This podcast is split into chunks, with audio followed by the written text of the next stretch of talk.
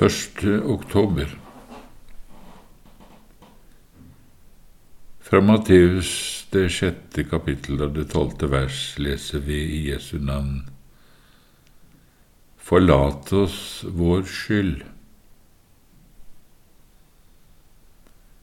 Rosenius skriver Denne bønnen forlat oss vår skyld er for det nye mennesket det samme som hjertet er for hele legemet, og som dermed også er det som setter alle livets øvrige krefter i bevegelse.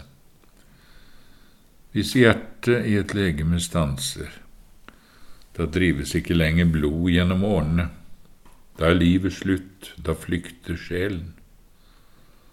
Det samme skjer når denne bønnen ikke lenger er pulserende liv i vårt indre menneske når det ikke lenger er et sukk om forlatelse, når vi ikke lenger trenger å komme til nådestolen, da er det slutt på nådelivet, da flykter Guds ånd. Vi vet jo at hele det åndelige livet avhenger av to vesentlige nådens verk i oss, omvendelse og tro. Eller på den ene siden en levende erkjennelse av synd som driver mennesket inn i bønn både om forlatelse og om hjelp mot synd, og på den annen side livet under nåden, som drar mennesket til nådestolen, hvor det begjærer og tar imot denne forlatelsen. Til disse to aller viktigste livsfunksjonene i vårt åndelige liv er det Herren har gitt oss denne bønnen forlat oss vår skyld. Vi vet at om alt annet vi trenger til liv og gudsfrykt finnes hos et menneske, men selve livet ved nådestolen mangler, så er det kaldt og dødt. Det stadfester Herren når han sier til engelen for menigheten i Efesos, Jeg har imot deg at du har forlatt din første kjærlighet. Den første kjærligheten, det er den kjærligheten vi hadde i forlovelsestiden, den kjærligheten vi får når vi nettopp er blitt benådet. Herren sier, Den som mye er forlatt, elsker mye. Dette er det første denne bønnen vil lære oss. Herren lærte sine barn denne daglige bønnen, forlat oss vår skyld. Da legger jeg først og fremst merke til at det altså er et kjennetegn på hans barn at de alltid vil ha en trang til å få forlatelse, og altså kjenner syndene sine, som bekymrer dem. For han kan ikke ha ment bønnen skulle være et tomt uttrykk for noe som ikke lenger bekymrer oss. Det er jo et forferdelig skuespill og vi bare fortsetter å be denne bønnen uten at vi bevisst har noen synd og anger. Må Gud virkelig gjøre oss alvorlig redd for et slikt hykleri. Så viser da denne bønnen oss at de sanne kristne alltid skal kjenne lovens og samvittighetens dom over sine synder og derfor også alltid ha behov for vissheten om syndenes forlatelse. Men det neste vi lærer her, er at selv om vi har synd som bekymrer oss, så er ikke det noe bevis mot at vi har et rett kristenliv. Det finnes enkelte kristne som på tross av alt sitt lys over evangeliet og flittig bruk av det, likevel sjelden er virkelig fri i sin ånd, bare fordi de ikke kjenner noe av den kraft og utfrielse fra sine synder som de mener den rette troen skulle gi dem. De vet nok at Guds rette barn også har synd, at kjødet strir mot ånden osv., for det ser de i hele Skriften men straks de ser noen virkelig synd hos seg selv, blir de forvirret.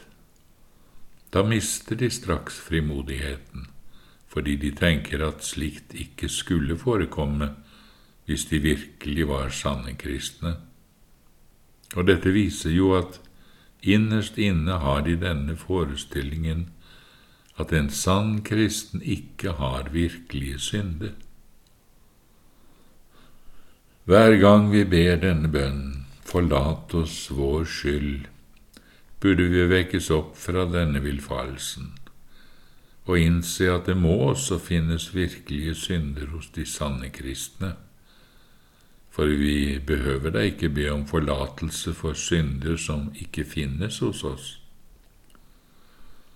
Nei, når Herren Kristus har lært sine beste disipler en bønn som de og alle sanne kristne daglig skulle be, og der har lært dem å be Forlat oss vår skyld, som vi òg forlater våre skyldnere, da innser jeg at hans sanne barn alltid har virkelige synder å trekkes med.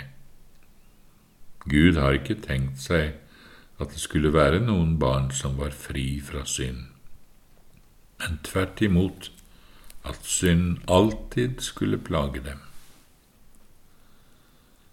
Det tredje jeg skjønner når Herren lærte oss å be denne bønnen, er at Han virkelig vil forlate syndene våre at hans holdning er alltid å gi sine barn forlatelse for deres synder. Tenk, når den trofaste Frelseren sa, Derfor skal dere be slik, Fader vår, forlat oss vår skyld.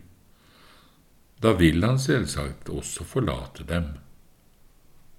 Her har vi jo også den veldige trøsten i dette, at Herren har lært oss å be om noe helt konkret. Og da vet vi jo alltid at dette konkrete Han selv har lært oss å be om, må Han i alle fall ville gi oss.